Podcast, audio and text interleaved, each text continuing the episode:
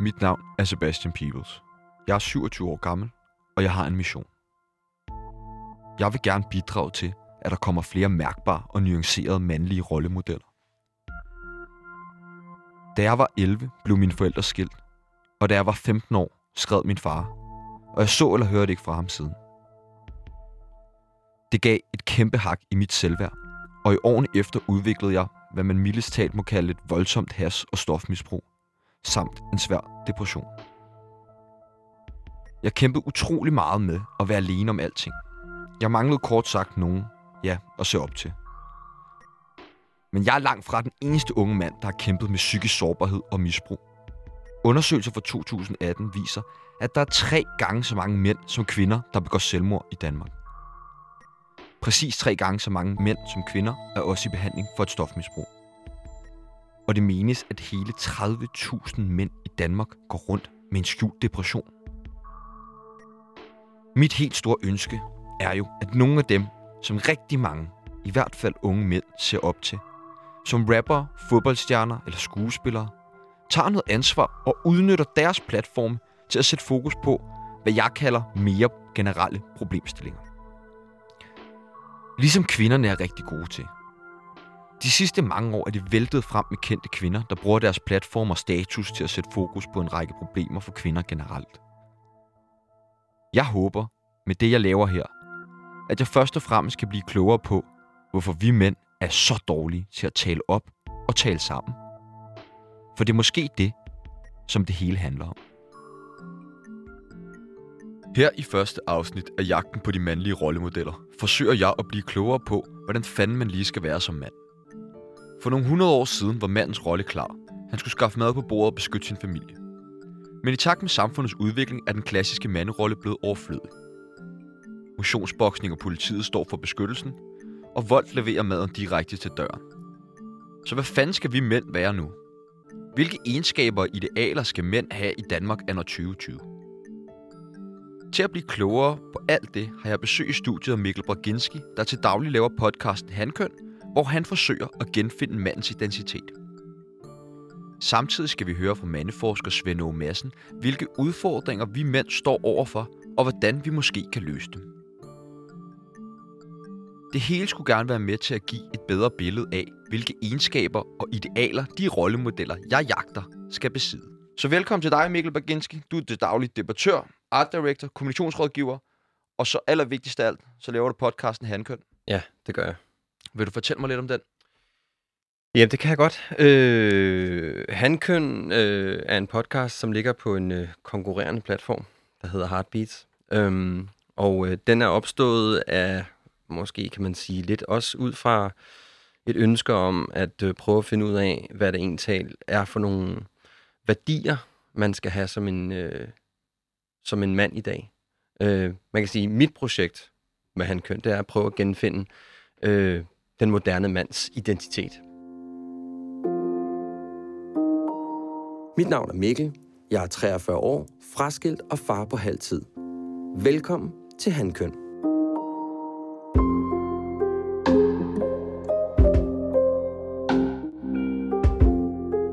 Øh, og det kommer ud fra, fra et behov, der selv, der, der opstod mig, da jeg blev skilt for nogle år siden. Øh, og blev øh, sådan rimelig sønder og lemret af det, hvis det er et ord, det tror jeg, det er.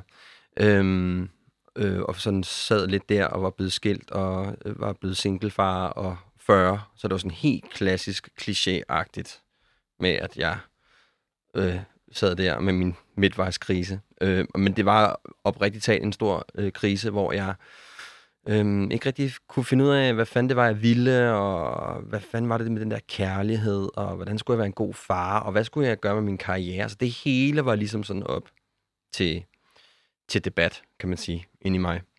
Øhm, og så, jamen, så besluttede jeg mig for at tage ansvar for, hvad det var, der havde foregået, og prøve at kigge på de kærlighedsmønstre, jeg havde lavet, og den måde, jeg havde tilgået øh, min egen værdi og min egen karriere osv. Og, og det er så udmundet sig til, at jeg så er begyndt at lave den her podcast, der er Handkøn. Så man kan sige, Handkøn for mig er også en, en meget, lidt ligesom jeg også hører dig tale om nu, det er en meget sådan personlig rejse. Jeg går fra at vide, knap så meget, til at vide lidt mere, til at vide mere, til at vide mere, til at vide mere, og begynder at danne mig et billede af, hvad er det egentlig, vi skal besidde.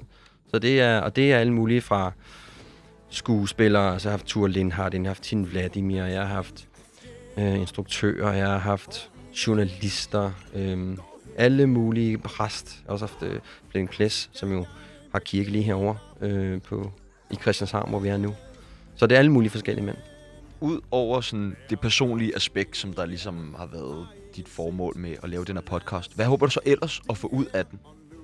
Jamen, jeg håber jo selvfølgelig at kunne, øh, at kunne bidrage til det samfund, jeg lever i. Øh, først og fremmest håber jeg selvfølgelig også for, for min egen skyld, at jeg øh, får nogle svar på, hvad det er for nogle værdier, jeg mener, at jeg bør besidde, men også i den grad prøver at hjælpe til øh, til andre mænd og sige, hey, nu tager jeg lige et par skridt for, på, på vores vegne og handler lidt, øh, som vi mænd jo rigtig godt kan lide. Men så prøve at komme med nogle konkrete værktøjer til, hvordan kan man stille sig på et fundament af nogle vigtige ting, for at kunne finde ud af, hvem man er selv som mand. Så det er det, jeg håber på at kunne bidrage med det. Det er kun mænd, rigtig mænd. Hvorfor er det, du tror, at det er vigtigt? Jamen, det er jo vigtigt, øh, tænker jeg, fordi hvis vi kigger sådan lidt rundt omkring øh, i den verden, vi lever i nu, så er skilsmisseraten jo, øh, altså jeg tror, den er nærmest rekordhøj. Ikke? Øhm, der er øh, rigtig, rigtig mange, der bliver skilt. Der er rigtig, rigtig mange, der har svært ved at være i relationer. Der er rigtig mange mænd, der har, har mange problemer med at kommunikere med kvinder. Øh, der er en vifte af problematikker i forhold til... har mænd det jo bare ikke særlig godt. Altså man kan jo Nej. se det bare på selvmordsraterne, på misbrugsstatistikkerne, kriminalitetsstatistikkerne, alle sådan ja. nogle ting, der bonger mænd jo fuldstændig ud i forhold til kvinder. Ja, og hvad, hvad må man i dag som mand, og hvad må man ikke? Og så har vi hele det her øh, vigtige, vigtige opgør, øh, feministiske øh, opgør, vi har MeToo-opgør, vi har hele det her patriarkalske øh, koncept, som der også bliver talt om osv., så, videre. så, så hvor, hvor fanden må du være henne som mand? Øh, hvad skal du tage dig af øh, for at kunne stå i dig selv? Og det mangler vi jo nogle, det mangler vi nogle, altså virkelig nogle, nogle bud på, og det, jeg synes, jeg er ved at have et godt bud på, hvad det så kan være for nogle ting, du skal have styr på i dig selv, for at kunne navigere nogenlunde helskinnet, helskinnet igennem en verden, som er, at den bliver ikke lettere at være i i hvert fald. Og, og hvad er det så for nogle ting, du ligesom har fundet frem til?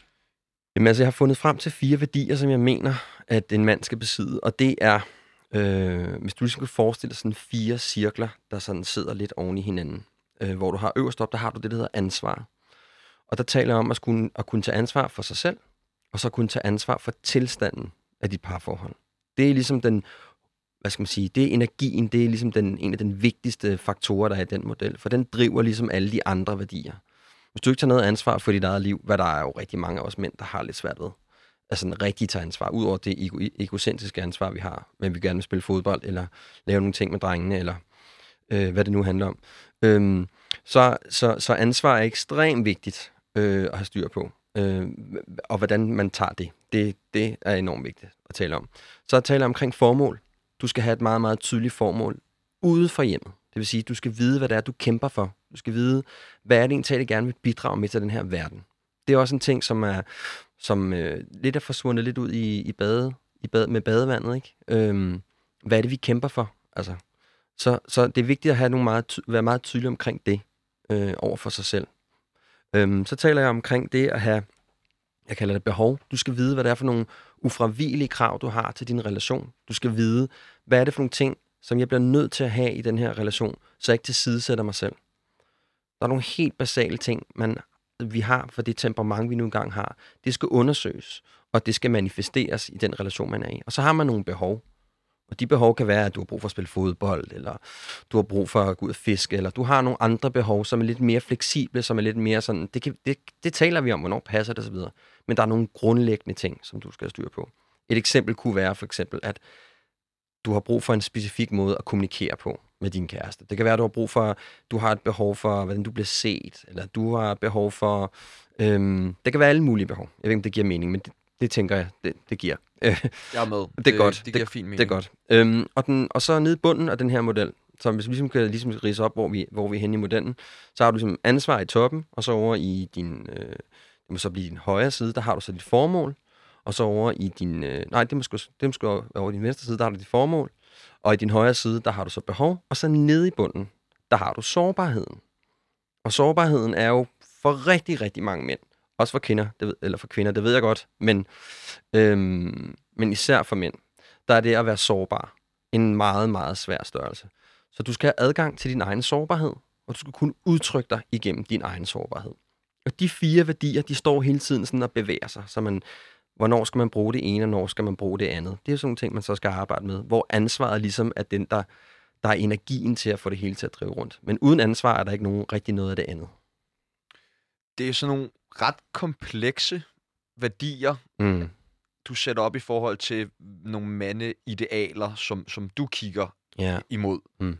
Øhm, meget ulig, hvad den traditionelle rollemodel ellers for manden generelt har været. Altså, det, der kan man måske opstille nogle ting som, jamen, en mand skal være stærk. Øhm, en mand skal kunne få skaffe mad på bordet, have succes med sin karriere. Mm. Øhm, nogle af de ting. Hvad, hvad tænker du om den, ligesom de gamle stereotyper i forhold til, øh, hvordan en, en mand ligesom skal være, og hvordan er du kommet over til, til, til de værdier, som du er på mm, nu? Mm. Jamen, det er en skide god point, du kommer med, fordi det er jo lige præcis hovedbesømmet. Øh, fordi i min optik, så er, har manden en rolle, øh, og det har han altid haft, og det skal han i teorien også altid blive ved med at have. Øh, I hvert fald for den maskuline del af ham. Og det er at øh, gøre sin partner tryg. Om det er en mand eller en kvinde, eller hvad det nu er. Det er sådan set underordnet. Men det har altid handlet om at give en tryghed.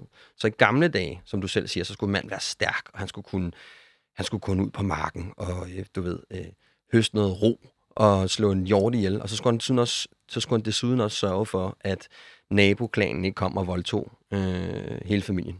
Øhm, men hvis vi ligesom kigger, hvis vi ligesom tager det mandebillede og ligesom kører det op til øh, dags dato, så kan man sige, der er ikke rigtig meget af det, som kvinden har brug for i dag. Altså, hun kan selv tjene sin egen penge, og hun gør det rigtig godt, og hun bliver bedre og bedre til det. Øhm, hun har ikke rigtig brug for en mand til at få børn. Der kan hun sådan set gå ned i en sædebank, jo, hvis hun har lyst til det. Man kan sætte en lås på på døren, og så kan man ringe til nemlig.com, så kommer, så kommer maden. Så, så, hvad er det for, så hvad er det for en tryghed, vi så skal levere som mænd? Og det er jo der, hele dilemmaet opstår. Og det er derfor, jeg taler om, så skal du være til at begynde at kigge på en følelsesmæssig tryghed. Og alle de værdier, jeg taler om, det er jo, det er jo noget, der i teorien i hvert fald, også i praksis vil jeg så mene, giver en form for tryghed. Okay, så Mikkel har altså opstillet fire værdier. Ansvar, formål, behov og sårbarhed. Og de her værdier, de skal være med til at hjælpe os mænd med at skabe følelsesmæssig tryghed. Men hvad fanden er følelsesmæssig tryghed egentlig? Og jeg kan ikke lade være med at undre mig. Kan man overhovedet skabe tryghed for andre, hvis man selv er usikker? Nu skal vi høre fra mandeforsker og psykolog Svend Åge Madsen. Og han mener, at vi bevæger os mod en række nye idealer for mænd. Ja, Altså man kan jo sige, at, at når mænden har været forsørgeren og den, der skulle lave arbejdet, så har det jo meget ofte været defineret ved, hvem er god til at lave sit arbejde, hvem er god til at skaffe føden, hvis vi går helt langt tilbage, hvem er den bedste jæger her, hvem er... Og så er vi jo kommet så i det kapitalistiske samfund, så er det jo, hvem er den bedste til at tjene penge og, og, og lave store trumphoteller og sådan noget. Det har været en form for, for mandeideal. Men med de mandeidealer, vi bevæger os over i, synes jeg er en, en, en, et meget godt eksempel på kronprins Frederik, som jo øh, var, var den her øh, frømandskorpsmand og, og stærk mand og alt sådan noget der, men som står, da han skal giftes i kirken i København, og det er jo de mest berømte tårer, der nogensinde har været i verden i Danmarks historie, da han står og græder op ved alderet, øh, da han ser sin kone komme ind, eller kommende kone komme ind i kirken, det er ikke. At, at den der store, stærke mand, han også kan give udtryk for følelser på den måde. Meget bevæget kronprins Frederik. Og her til Hendels Sadak the Priest, kroningshymne for kor og orkester skrevet til... Som Mikkel Braginski nævnte tidligere, er det dog især i forhold til kommunikationen og i parforholdene, at mændene de halter efter. Svend O. Madsen er helt enig i, at kommunikationen er et kæmpe problem for mænd.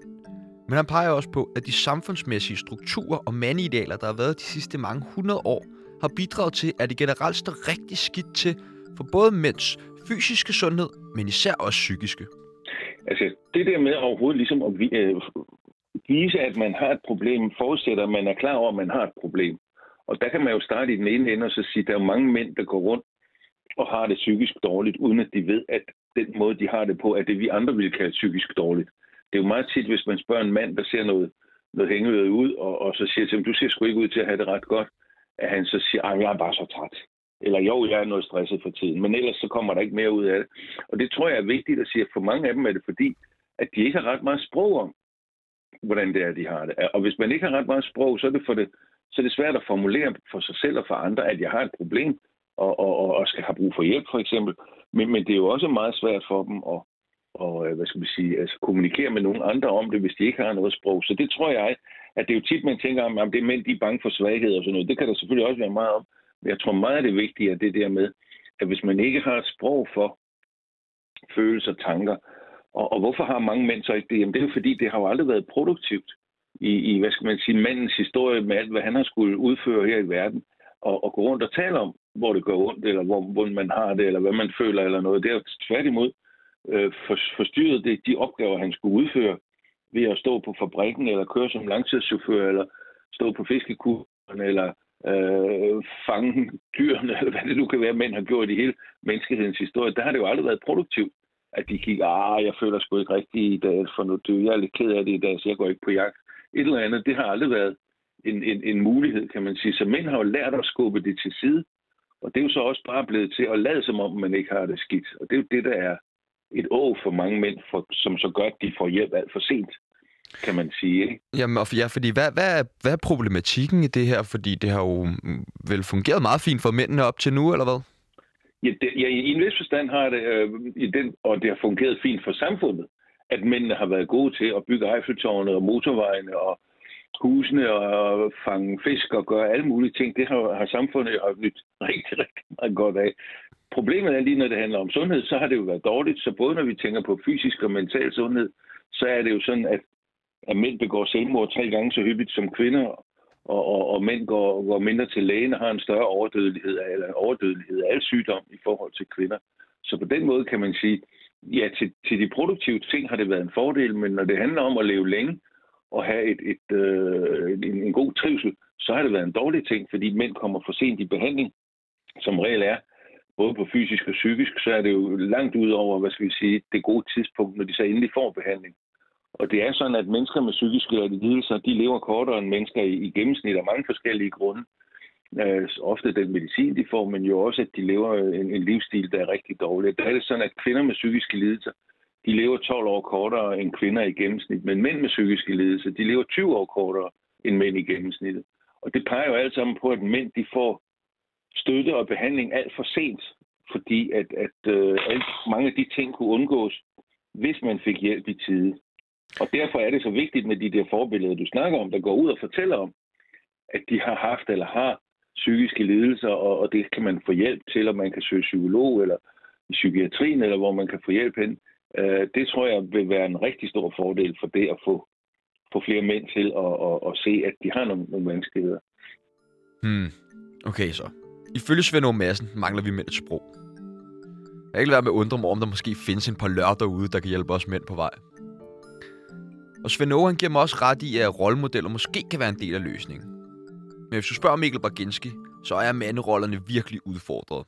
Det handler jo om at genfinde nogle værdier i sig selv, eller i hvert fald blive opmærksom på nogle værdier i sig selv, som vi som samfund øh, har haft det lidt svært ved at få belyst i, i manden, fordi vi har, apropos det, du, hele det her projekt går ud på, manderoller. Altså, vi har haft nogle, mange af os har haft nogle fædre, som jo i alt bedste mening har gjort, hvad de kunne, men der er ikke blevet gjort adgang til sådan noget med, at man, man blev set i ens følelser, og øh, man, øh, man gik ind og talte om ting, der var svære, fordi vi netop har haft det der med, du skal være stærk, ikke? du skal være som en E på en... Øh, øh, på, i en stor skov, så din, så din kvinde kan komme og lægge sig op af dig. Du skal være adventurous, du skal være eventyrlig. Du skal, alle de her ting, som ligesom ligger i et, synes jeg, et gammelt paradigme. Det er stadig nogle ting, der er interessante og også brugbare, men det skal bare sættes i en moderne kontekst.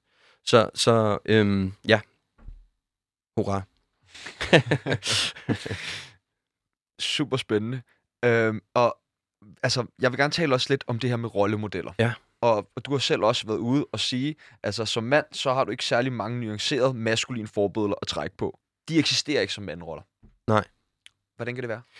Jamen, det tror jeg, at der er sindssygt mange grunde til, at, øh, at det ikke er sådan. Altså, øh, jeg har altid sådan øh, været meget misundelig på dem, der sagde, at jeg havde den bedste far nogensinde, der bare, øh, du ved, han hørte mig, han så mig, vi øh, spillede stangtennis, og han snittede en pind, og øh, hold kæft, hvor var det fedt det hele, ikke? Øhm, ja, hvorfor er, der ikke, øh, hvorfor er der ikke de mandroller i dag? Øhm, det er jo et stort spørgsmål, kan man, kan man roligt sige. øh, jeg tror, det handler øh, primært omkring, hvordan samfundet stadigvæk ser på mænd. Jeg tror, det handler rigtig, rigtig meget om, at det stadigvæk anses at være øh, svagpisseragtigt og kvindagtigt og feminint osv. at have adgang til nogle ting, som er svage, så som af en eller anden årsag er det blevet, at det at være sårbar, det er øh, meget feminint, og det er usekset, og det er alt muligt, hvad jeg jo i min optik er en komplet misforståelse af det begreb. Men jeg tror, det simpelthen handler om, på den store klinge, vi er helt oppe i den sådan almindelige samfundsmæssige klinge her, ikke? Øh, at det er stadigvæk noget, som er lidt, øh, det er lidt pinligt, og det er ikke noget, man lige sådan taler om på den måde. Jeg tror, det, det, tror, det tror jeg er hovedårsagen til det. Men, men hvorfor er det pinligt? Hvorfor er det noget, man ikke taler om? Ja. Hvorfor er det, at hvorfor er det, mændene har så svært ved det? Jamen, der er også en stor... Altså, i min optik er der jo en stor forskel på den måde, som kvinder har adgang til deres sårbarhed, og hvordan mænd har adgang til deres sårbarhed. Øhm, blandt andet ved, at, at kvinder jo, eller som allerede for små piger, der handler jo meget det, de skal rent biologisk set jo også, at tage sig af noget, der er sårbart. Altså, de tager sig jo af, af, af babyer, baby, bitte små børn, som ikke kan en fis. Det er jo ekstremt sårbart. Så det ligger jo også bare sådan biologisk til dem. De er også bare meget bedre til at kommunikere omkring sårbarhed. De starter allerede som, som, som børn og lege rollemodeller ude i skolegården, hvor ja, du, og jeg, du og jeg, vi spillede nok bare fodbold, og hvis vi faldt, så, uh, så slugte vi lige smerten, og så løb vi ligesom videre. Hvor at, pi, øh, man, man kan sige, at, at, at pigerne, øh, de starter jo med at lege sådan nogle rollemodeller, og sige, de undersøger, hvad vil det sige at blive afvist, og så leger de det ene, og så leger de det andet. Altså, de leger rigtig meget med de der øh, forskellige følelsesmæssige aspekter, der er ved at være menneske. Så, så det, det tror jeg ligesom er årsagen til, at der er en stor forskel, og hvorfor det er meget mere naturligt, at man også nærmest forventer, at det er det, der er. Kontra manden, som jo basalt set kulturelt ikke har adgang til de samme ting. Det ligger ikke i vores i den kultur, du og jeg er en del af i dag. Det ligger stadigvæk ikke naturligt. Jeg vil ikke sige, at det er så slemt, som det var for jeg ved ikke, 25 år siden, eller et eller andet. Det er blevet mere og mere acceptabelt, at man godt kan komme ud som mand og tale om nogle ting, som kan være jamen, alt fra spiseforstyrrelser, eller øh, jeg, fik, øh, jeg, jeg, blev, jeg blev drillet på mit arbejde, eller hvad, nu, hvad det nu kan være. Det bliver mere acceptabelt, men det er vi stadigvæk i sådan et, altså det børnestadie, i min optik. Boys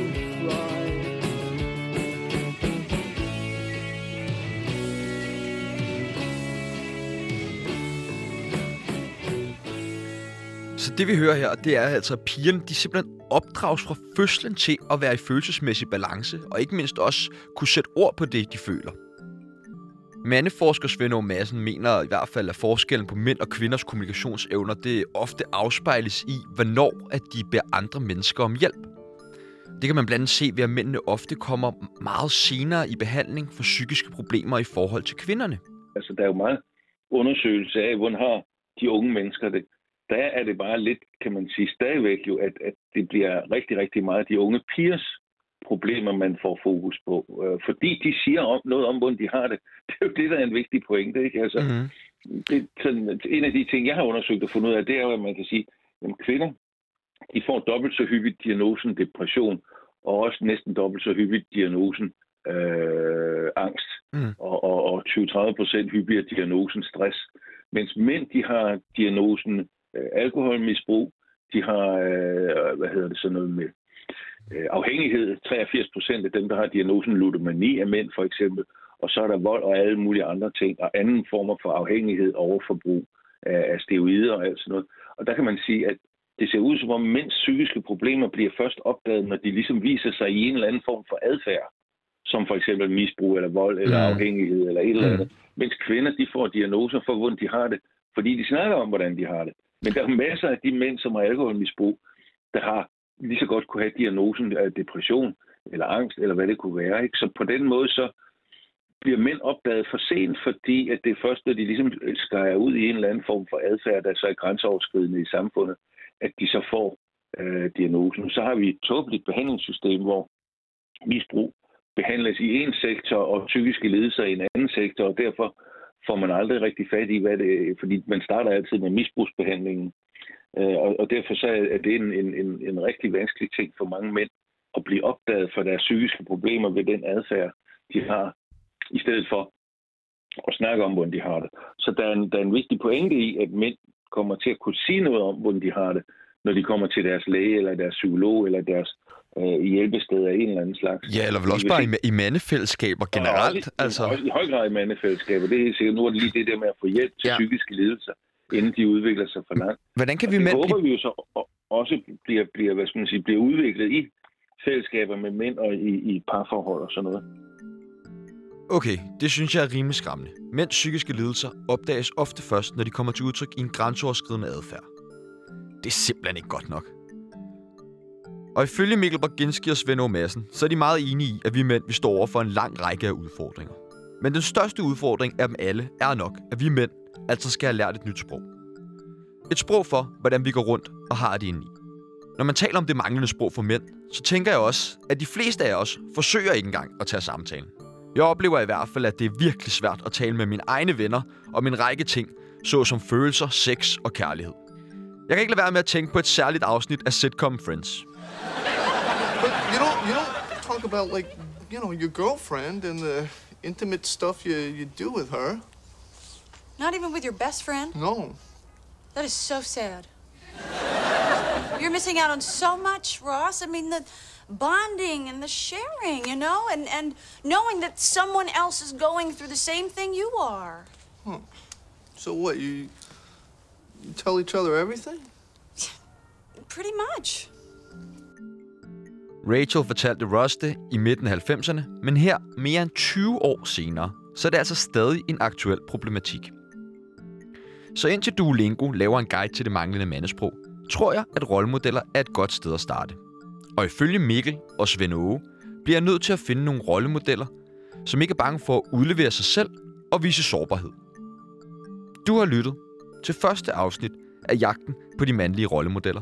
En podcastserie på Radio Loud. Mit navn det er Sebastian Peebles. Jeg har selv tilrettelagt og redigeret. Vi høres ved, mand.